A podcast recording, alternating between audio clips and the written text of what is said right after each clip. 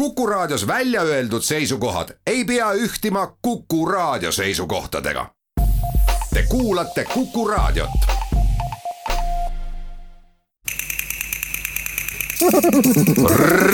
reisirada. tere, Kuku Raadio kuulaja, siin Tea Karin.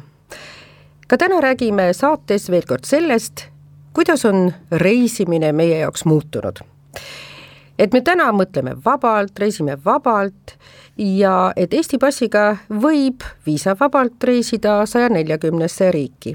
ja kui me oleme piiri ületanud, siis ei ole meil tunnet, et meid kahtlustatakse või jälitatakse ja maailm on meie jaoks tunduvalt suurem kui ainult kaardi peal.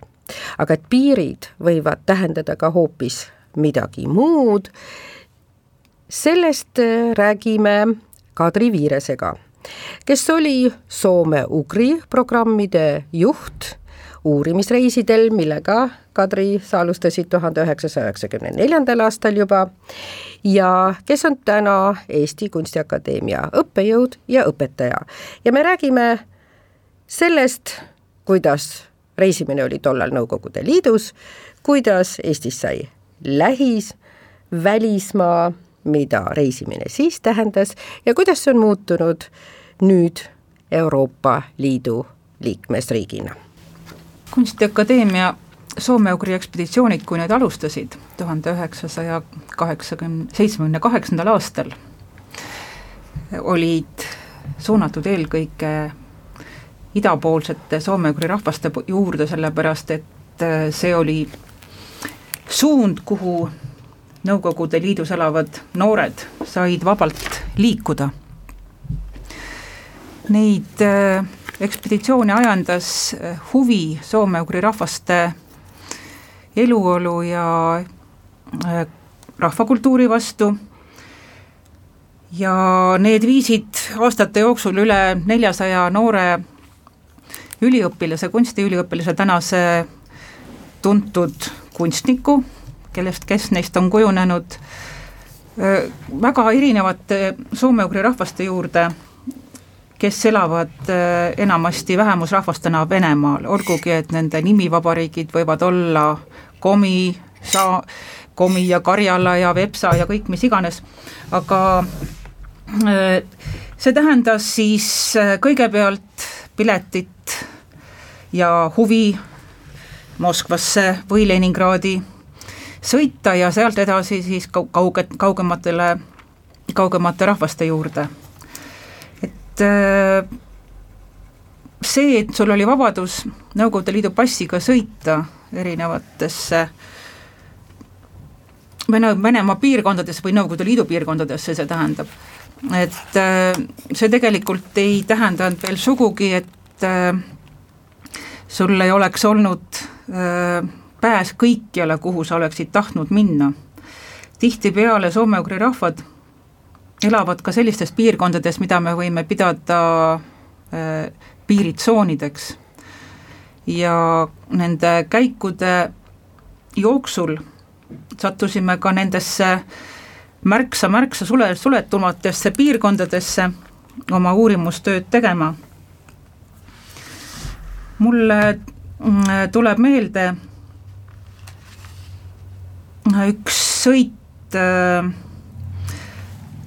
Barentsi mere äärde saamide juurde, kus äh, Murmanskist tuli äh, võtta kaasa veel väga kõrgete sõjaväejuhtide, sõjaväeringkonna juhtide lubakirjad, et pääseda uurima kaljujooniseid ja kivilabürinte Barentsi mere ääres endistes äh, saami külades, mis tänaseks on äh, sealt ammuilma noh, tsiviiltsoon on sealt ammuilma kadunud, et see on niisugune mili-, mili-, militaarne riba kolmkümmend kilomeetrit mererannast, mis on puhtalt Vene sõjaväe käes.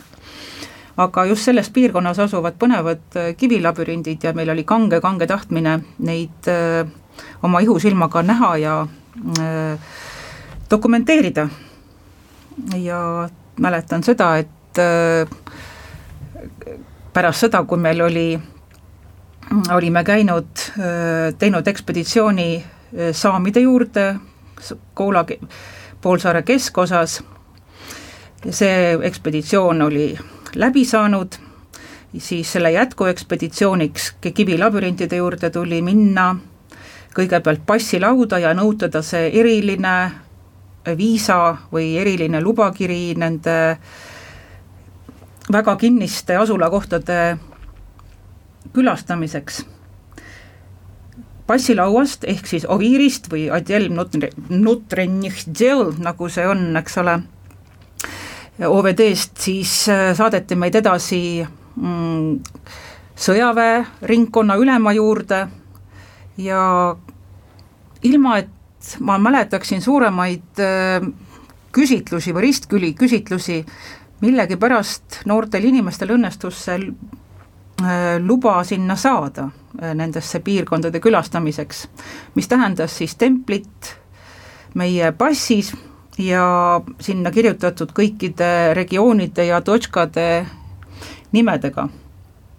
selle eriloa saamine tundub tagantjärgi üsna eriline, sest see oli väga kinnine piirkond. ja nüüd äh, ol-, kuni, kuni, kui meil need uhked templid olid passis olemas, võisime siis alustada oma rannikuekspeditsiooni äh, kivilabürintide juurde. aga ma arvan, et me selle, nende eriliste lubade ootel olime Murmanskis siiski oma kolm päeva ja just siis õnnestus äh, meil õnnestus ka sa-, saada restorani arve, mis oli kaheksateist kopikat, mis siis kujutas ühte hommikusööki, mannaputru neljateist kopika eest, kahe kopika eest leiba ja kahe kopika eest teed. et äh, see mm, number on millegipärast mulle meelde jäänud aasta oli siis tuhat üheksasada kaheksakümmend seitse, kui sa olid üks väljavalitutest, kellele usaldati ülesanne leida Barentsi mere ääres üles kivilabürindid ja neid dokumenteerida. see oli esimene reis ekspeditsioonide vaimse juhi ja algataja Kalju Põllu juhtimisel. raamatus, mille oled pühendanud kõikidele soome-ugri uurimisreisidest osavõtnutele, oled iga aasta juurde lisanud väikesed nupukesed selle juubeliaasta juures on üles loetud kõik sõiduvahendid, mida kasutanud olete. lihtsamad nendest troll, buss, rong, siis juba sõudepaat, mootorpurjekas, raketatiiburlaev, praam ja hobuvanker vahel olete pidanud aga ka ise roomama, kui sattusite soode ja laugaste vahele, aga ka seal ootasid ees üllatused aastal tuhat üheksasada üheksakümmend neli võtsin ekspeditsioonide juhtimise Kaljo Põllu asemel üle mina ja ma panin sel aastal kokku oma esimese üliõpilaste grupi ja võtsime suuna taas äh, saamide juurde. see vahejuhtum ja meenutus, äh, mis puudutab Anne Veskit, see oli Lovozero, Lovozero on siis nii-öelda saamide pealinn, õieti äh, nende saamide pealinn, kes siis elavad praegusel Venemaa territooriumil, saame on laiali veel Soomes, Norras, Rootsis, aga umbes kaks tuhat saami, siis on veel Nõukogude Liidust jäänud siis selle Murmanski oblasti mm, territooriumil ja nendest umbes äh, pooled elavad äh, Lovožeros ehk Luujavris. ja see oli siis selline koht, kus tõesti Anne Veskist oli mälestusi kui karakteersest naisest ja neid külastusi, mis on nendesse väikestesse kohtadesse tehtud, on kohalikul rahval alati väga pikad mälestused, et need kontserdid ja kultuuriüritused jäävad väga pikaks ajaks meelde ja see hea eeltöö, et Eestist on selline suurepärane esineja seal kontserdi andnud, avas kindlasti ka meile palju selliseid uksi, mida noh, mida oleks olnud raske kangutada. Kas sa arvad, et praegu oleks siis Eesti kuulajale ka hea tutvustada natukene saami muusikat? aga ole lahke, et valisin välja siit ühe äh, loo. Äh,, paneme äkki siis seda saami Eurovisiooni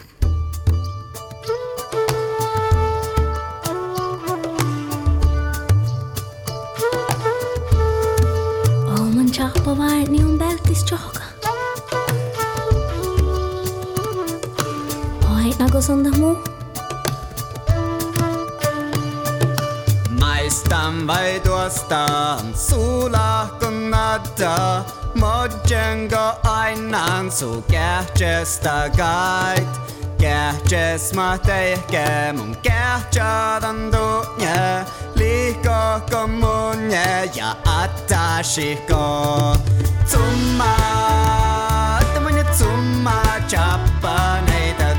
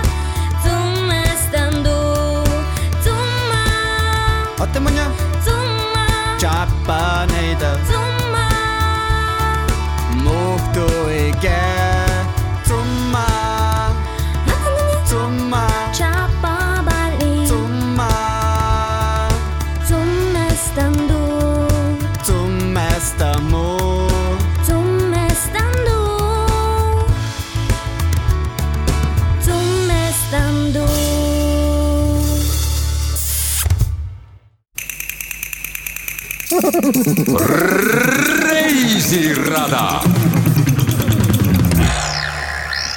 enne kui me nende reisidega nüüd edasi läheme, siis tahaksin ma sinu käest küsida, et äh, sa andsid kahe tuhande üheksateistkümnendal aastal äh, soome-ugri hõimupäevade ajal välja suurepärase raamatu Kaugelt näeb lähemale, mis on siin täis äh, kaarte ja tsitaate ja isegi selliseid väikeseid detaile nagu tollased äh, bussipiletid.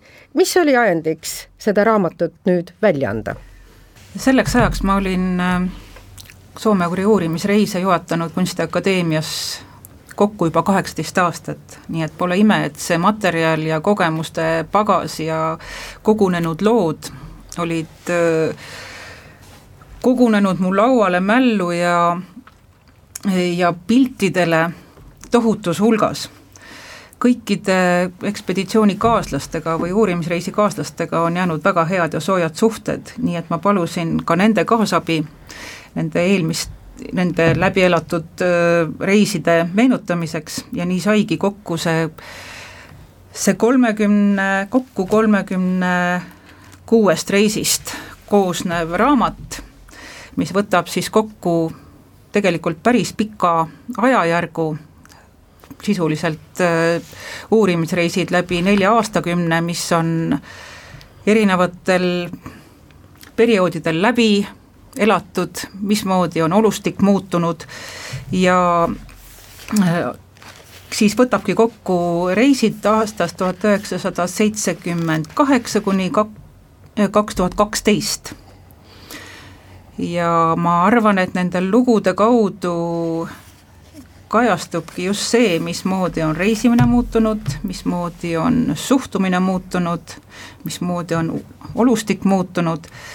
Ja tõepoolest neid, seda ainest oli väga-väga palju.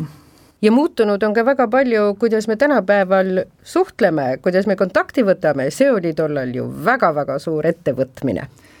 tuhat üheksasaja üheksakümne neljandal aastal oli põhiline kontakti võtmise viis helistada läbi kaugejaama null seitse, kui ma ei eksi, tellida kauge kõne, oodata ja siis äh, läbi veelkordse sekretäri ühenduse võib-olla saada siis ka vajalik inimene toru otsa, teine asi, mis äh, oli ka mõnevõrra uudne, oli faksi saatmine, tänaseks on paljud need tollased faksid ka kustunud, need termopaberid, ei mäleta ja ei teagi, mis neil kunagi kirjas olid, see kirjavahetus, aga nende kaudu siis sai kokku lepitud, et tuleb Kunstiakadeemia uurimisgrupp, üliõpilased erinevatelt erialadelt ja püüdsime leida siis äh, kontaktisiku, kes võtaks vastutuse selle kutsumise eest. Sest äh, selleks, et saada Venemaa viisat, ma räägin nüüd pärast üheksakümne esimest aastat, oli tarvis kindlasti ühte kutsujat ühte asutust, kultuuriosakonda, kes võtaks vastutuse siis välismaalaste eest. tõsi, toona äh, veel poole üheksakümnendate aastateni olime veel lähivälismaa, kuid äh, mida aeg edasi, seda kaugemaks välismaaks me muutusime. Ja äh, see tähendas ikkagi alates üheksakümne viiendast aastast Vene viisade muretsemist. oli piirkondi, mis jäid Eestist ajavahe, mitme ajavahe tõttu varasemale ajale ja mäletan olukordi, kus äh, hommikul kell kuus äh, tuli tellida välismaale ehk siis Venemaale kauge kõne, siis valida läbi Moskva see piirkond, jõudsin kuhugi Salehardi äh, mingi telefonioperaatorile, kes siis üritas saada kontakti siis kohaliku kultuuriosakonnaga, nii et äh, neid kõnesid oli edasi-tagasi päris palju. Ja oli ka selliseid juhuseid, kus äh, varakult teele saadetud kirjad äh, ja palved aidata ekspeditsiooni organiseerida, need mõne kõrge ametniku laual kattusid veelgi paksema paberikihiga ja kui me olime kohale jõudnud, siis äh, tekkis olukord, kus me olime väga ootamatult kohale jõudnud.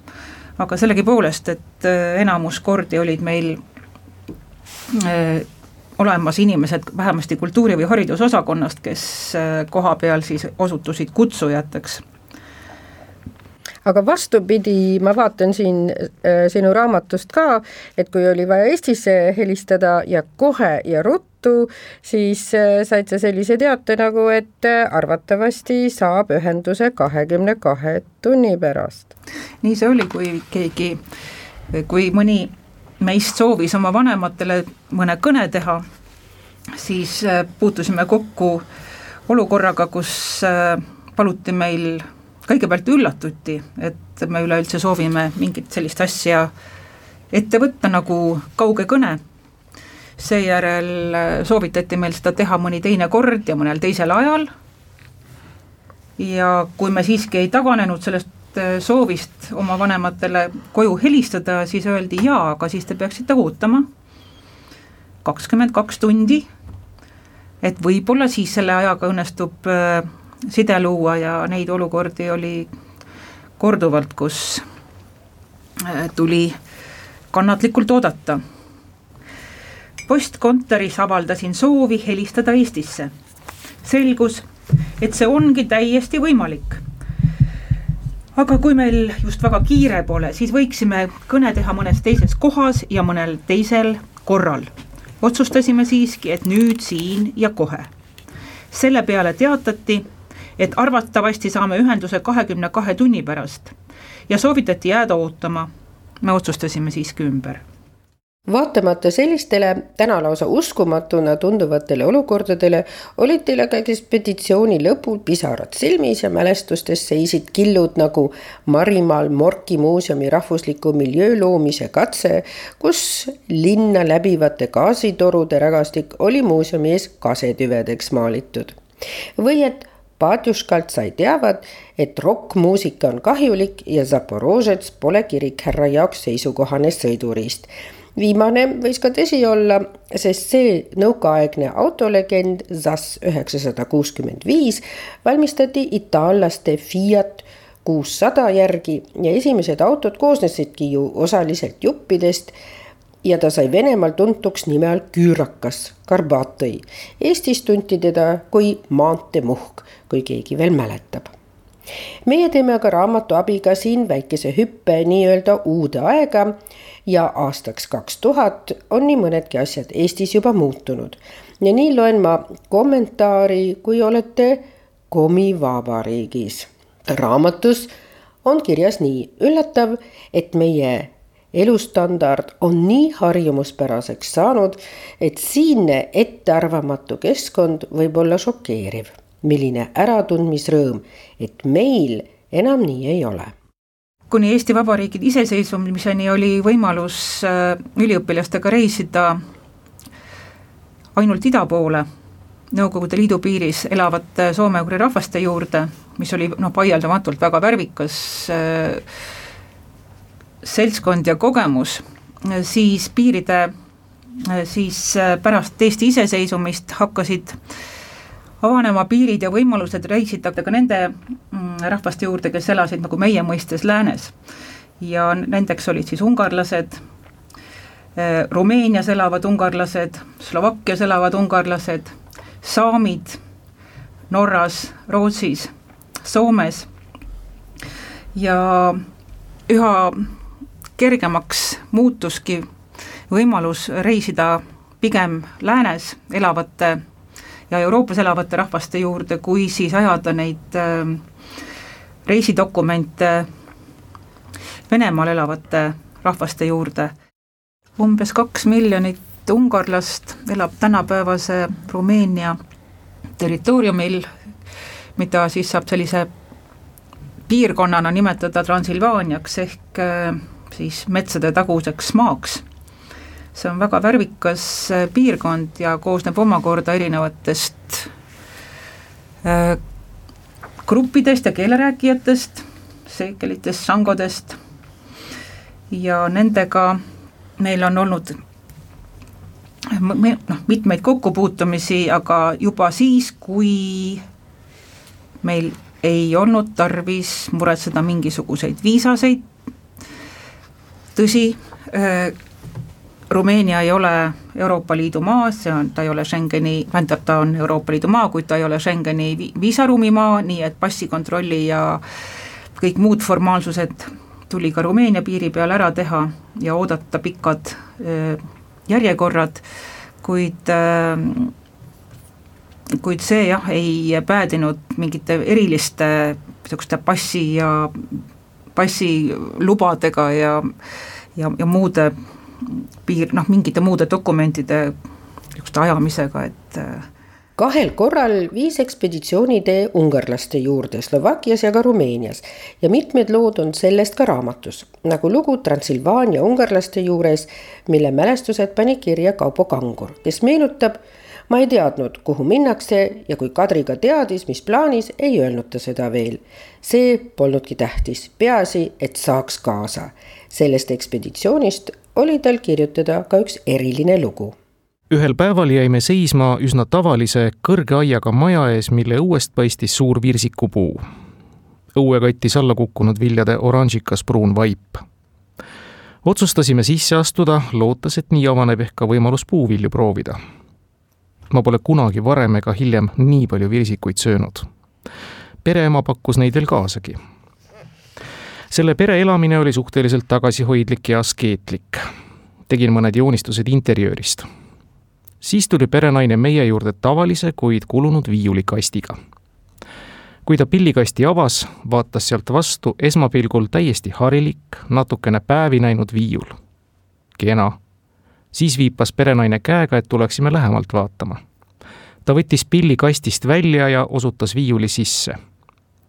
alles teistkordsel vaatamisel nägin, et pilli põhjas oli kuulsa viiulimeistri Stradivariuse meistrimärk ning pill ise kandis järjekorranumbrit kolmkümmend kuus. oli see võimalik? jäime keeletuks kas ma tõesti hoidsin käes hindamatut instrumenti, maailmas väga haruldast pilli? Meistrimärki lähemalt uurides selgus, et tegu oli tõepoolest väga vana pilliga. viiul oli korras, kuid mitte hääles ning seda hoiti lapselapse muusikaõpinguteks. tema pidi kunagi hakkama mängima Stradivariusel järgmisel päeval aitas Liina tõlkida, et Bill sattus perekonda ühe omaaegse kuulsa muusiku kaudu, kellega perenaise vana-vanaema oli olnud abielus. Pole sugugi võimatu, et uhkes Ungari kuningriigis, mille osaks oli ka Transilvaania, meistripill aegade keerdkäikudes nõnda kaugemasse lossi või külasse sattus. Nendel käikudel Transilvaaniasse meil puutus silma just see, et äh, sealsed ungarlased olid väga mures oma kultuuri ja keele säilimise pärast ja püüdsid seda noh, eriti veel rõhutada oma suure kultuurihuviga muideks Transilvaania on ka selline koht, eh, kus on eh, erakordselt hästi säilinud niisugune algupärane või niisugune rahvapärane tantsu- ja muusikatraditsioon. Ja oli meilgi võimalus osaleda ühes tantsutares kus äh, eestlased noh, oli, osutusid täielikeks elevantideks võrreldes nende kohalike tantsijatega, kes siis seda tšaardassit vihtusid. enne kui te jõudsite äh, ungarlaste juurde Transilvaanias, siis oli teil juba varasemalt kokkupuuteid, nagu ma raamatust vaatasin ja nimelt Taga-Karpaatias. jaa, sealt me igatseva pilguga vaatasime Ungari piiri poole ja piiritsoonis peeti meid tund aega kinni, kirjutavad üliõpilased oma päevikus. Pealegi tuli neid kontrollivaid piirivalvureid abistada, sest üks neist oskas vaevu lugeda ja teine vaevu kirjutada. ning kirja on pandud ka lood, kus olukord võis lausa ohtlikuks muutuda Läksime otsima üle-euroopalise tähtsusega arhitektuurimälestusmärki Vaari külas. Järsku lähenes pahaaimamatutele tudengitele soliidses võr-, vormirõivas Nõukogude miilitsaleitnant ja juhtis meie tähelepanu asjaolule, et viie kilomeetri kaugusel asub Nõukogude Liidu ja Ungari riigipiir. ta kirjeldas oma käsutuses olevaid mõjutusvahendeid, kümme kuni viiskümmend rubla trahvi, pluss öö, kolm ööpäeva Gordonis, pluss ettekirjutus toonase ERK-i ekspeditsioonijuhile Kaljo Põllule. Üks teine üliõpilane meenutab seika äh, Karjala raudteevaksalis, kus äh, ekspeditsioonijuht Kaljo Põllu nabeti raudteevaksalis kinni ja temalt nõuti informatsiooni vuntsidega pikajuukselise meesarhitekti päritolu soo ja elukommete kohta, millise töötajal näis olevat segadus ja raskus täita ankeedilahtrit sugu. Mitte ainult, et äh, tollal reisimiseks sellesse piirkonda oli viisasid vaja, mida jagas siis äh, Venemaa saatkond, vaid sellega kaasnes ka veel suur pinge ja närvikõdi. sellepärast, et see viisa tihtipeale väljastati viimasel minutil, ehk siis tõesti vaid viisteist minutit enne rongi väljumist, mäletan mitmel korral, kus grupipassid äh, plastikaatkotis tormasin juba peaaegu liikuvale rongile ja hüppasin viimasesse vagunisse. reisirada tuleme tagasi kivilabürintide juurde. seal sai eriti selgeks, miks selline luba nii oluline oli ja seda mõlemale osapoolele, nii matkajatele kui piiritsooni korravalvuritele. me võtsime ette oma matkad kivilabürintide juurde ja tegime päris pikki matku mööda rannikut ühest punktist teise, sada kakskümmend kilomeetrit mõne päeva jooksul, aga selle jooksul me läbisime mitmeid väikseid sõjaväetočkasid ehk piirivalve kordoneid. Ja igas ühes neist siis küsiti meilt seda kõige vägevamat luba näha ja võeti meilt ka siis aruanne või õieti siis seletuskiri, miks me selles piirkonnas matkame.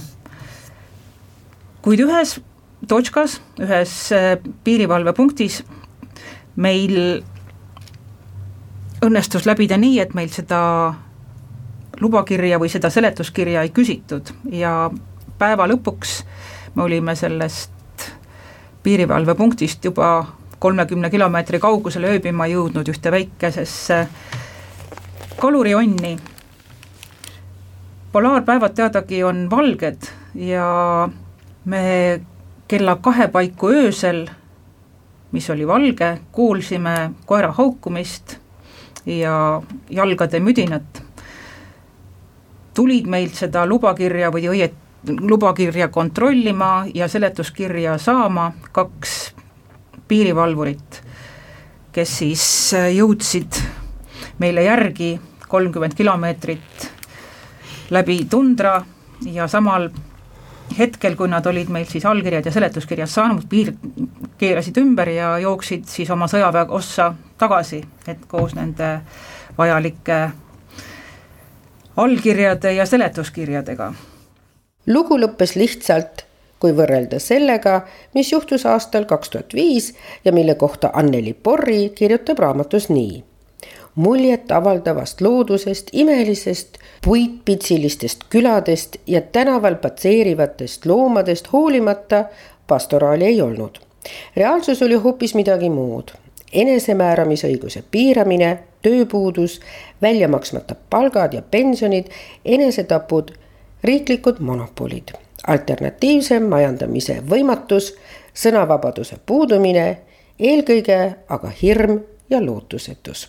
ja ta lisab, esimest korda tajusin ma nii eksistentsiaalset kontrasti enese kui väikese inimmutuka võimetuse ja süsteemi kõike võiva suuruse vahel.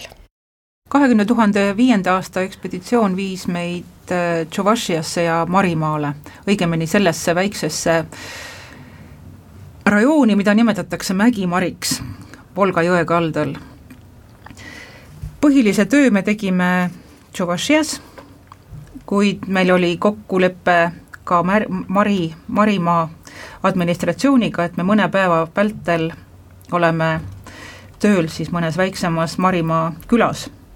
samal ajal aga tähistas Mägi-Mari Ostap Benderi nimelisi huumoripäevi ja üliõpilasi kardeti nagu tuld, eriti veel siis juba välismaalasteks muutunud eestlastest üliõpilasi ja esimesed küsimused olid, et ega teil juhtumisi plakateid ei ole kaasas, loosungeid ja mida te üldse siin teete.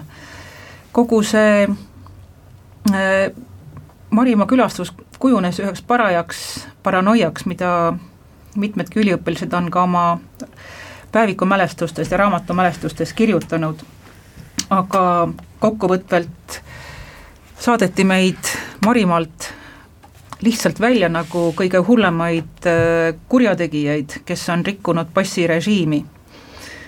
ja põhjuseks oli see, et Venemaa seaduste järgi või vähemasti tollal kehtinud seaduste järgi tuleb ennast sisse registreerida kolme päeva jooksul lähemasse passilauda.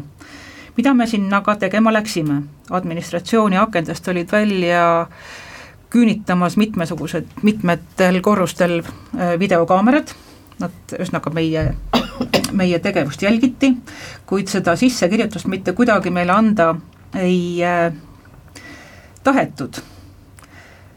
Mis aga lõppes sellega, et äh, mõned üliõpilased said süüdistuse viisarežiimi rikkumises ja õieti passirežiimi rikku, rikkumises ja mm, äh, kogu ekspeditsioon laaditi siis bussi peale, saadeti lihtsalt maalt välja ka erinevates Eesti ajalehtedes kirjutati pealkirja all palju kära ei millestki ehk kuidas Eesti tudengid Vene miilitsale Marimaal rannas striptiisi tegid ja eestlaste väljasaatmise põhjused siiani segased see oli järg Katrin Saksa raportile Venemaa vähemus väikerahvaste õiguste kohta.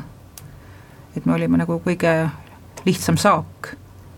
Et me olime top kümnes olime või noh, top, top üks olime, mis need on, need Venemaa uudised. nihutasime pilte ja käisime Volga jões ujumas Eve Korta Ivanovna Kask võttis juhtuna kokku artiklis Spioonina Marimaal ja illustratsiooniks, milline oli loodud pilt Eesti ekspeditsiooni liikmetest siin ka luuletusraamatus. me maale sõitis diversant turistimaski all, tal mitu fotokaamerat ja püstol hõlma all selline reaalsus kõlab tänases maailmas vägagi eksootiliselt. Nõukogude ajast ja lähisvälismaa perioodist Euroopa Liidu liikmesriigiks selle pika aja sees on ka soome-ugri maailmas üht-teist muutunud.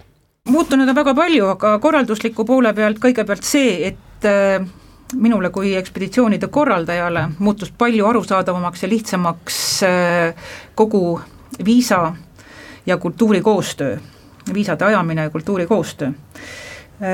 Kahe tuhande viiendal aastal sõlmiti kultuurikoostöö programm Venemaaga ja Eestimaa vahel see tähendas seda, et oli kultuurilistel hariduslikel eesmärkidel oli võimalik äh, saada tasuta viisa äh, soome-ugri rahvaste külastamiseks või üldse Venemaa kultuuri äh, kontaktide loomiseks ja me kasutasime seda vähemalt kahel korral, kahel-kolmel korral, tõsi, see tähendas seda ka, et kutsuja ehk mõni ülikool või kultuuriorganisatsioon pidi nägema tohutult vaeva selle kutse äh, organiseerimiseks ja vastutuse võtmiseks ja selle põhjendamiseks, kuid selliseid siiski oli näiteks Karjala äh, ülikool. Sinu raamatus on kirjas ka vastuolu ideaalpildi ja tegelikkuse vahel, mille leidsin aasta juurest kaks tuhat kolm, mitte just kaua tagasi.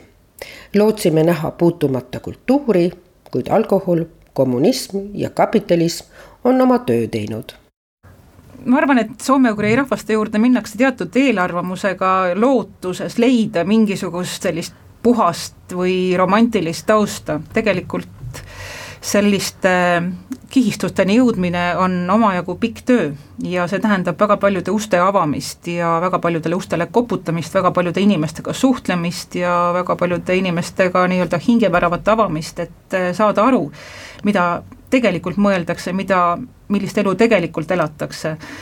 kui käia lihtsalt turistina, sõitjana, siis jääb meile hoopis teistsugune pilk sellest, mis äh, ühel pool on sinetavast klaasist kõrg, kõrged äh, pilvelõhkujad, aga teisel pool võivad äh, ja kuhu me tihtipeale ei satu, on ikkagi peaaegu et kokku langevad õlgkatustega osmikud ja onnid, kus inimesed on oma saatuse hoolde jäetud. ma arvan, et see pilt vist praegu pole palju erineva, et ja kui soome-ugri lastest üldse rääkida, siis eh, noh, toetudes küll kahe tuhande kümnenda aasta rahvaloendusele, kus soome-ugri rahvaid või rahvaks või rah, erinevateks soome-ugri rahvasteks pidas ennast umbes kaks tuhat, kaks ja pool, kaks koma seitse miljonit inimest mm, Venemaa poole peal, siis tänaseks päevaks me arvame, et see on kahanenud kuskil kahe ja kahe koma kolme miljoni inimeseni, see tähendab seda, et kas paljud on ennast ühesõnaga, et paljud ei ole sellele venestamissurvele vastu pidanud. ja sellel on väga palju põhjuseid, olgu need majanduslikud või siis ka põlvkondlikud, kultuurilised. meelde on jäänud päevadepikkused sõidud läbi looduse, tundra, värvikad meenutused nagu teisest maailmast. sõidame, muud kui sõidame sajab ja sajab. sääsed tungivad vägisi vagunisse. meie rongil on ka retsivagun ehk siis vangivagun. kui peatusime Uhtas, käsutati vangid vagunist välja, tehti loendus ja siis nad viidi kuhugi. ärme unustame ära, et äh, ka meie, eestlased, kuulume soome-ugri seltskonda ja ka meil on noored, kes teevad muusikat, mis põhineb soome-ugri traditsioonidel nagu näiteks Tuua Ruut äh, lauluga Tuule sõnum, mis minu arvates äh, vihiseb üle kõikide nende tohutute avaruste ja toob kokku meie mõtteid ja võib-olla väljendab ka meie mõttemaailma, ühist mõttemaailma. saate tehnilise külje eest vastutas Veiko Rebane. teksti luges Timo Tarve.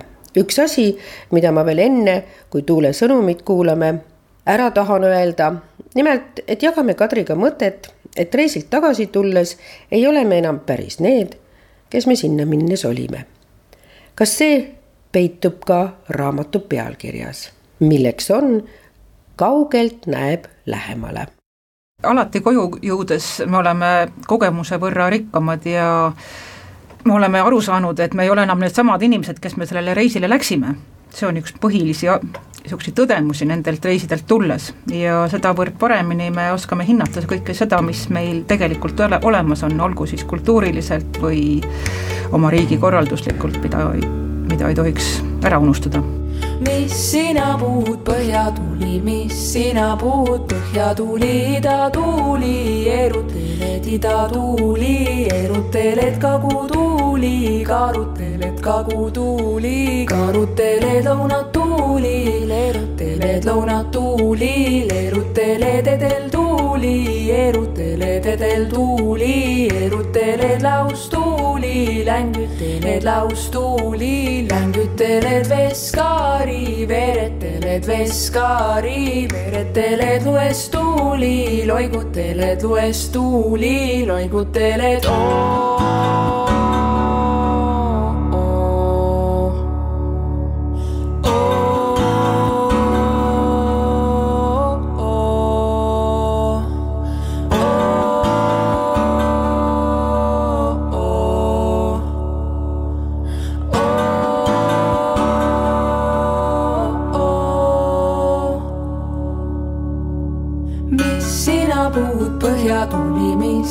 Sina puud, põhjatuuli, idatuuli, eruteled idatuuli, eruteled kagutuuli, karuteled kagutuuli, oruteled lõunatuuli, leeruteled lõunatuuli, leeruteled edeltuuli, eruteled edeltuuli, eruteled laustuuli, längüteled laustuuli, längüteled veskaari, vereteled veskaari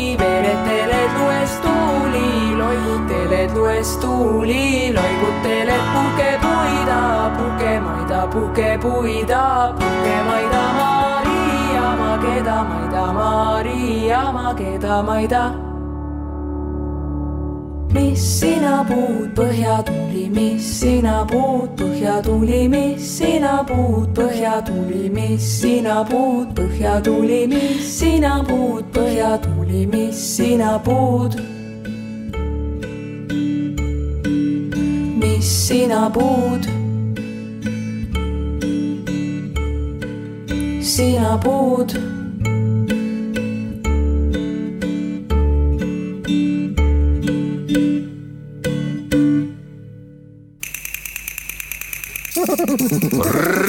reisirada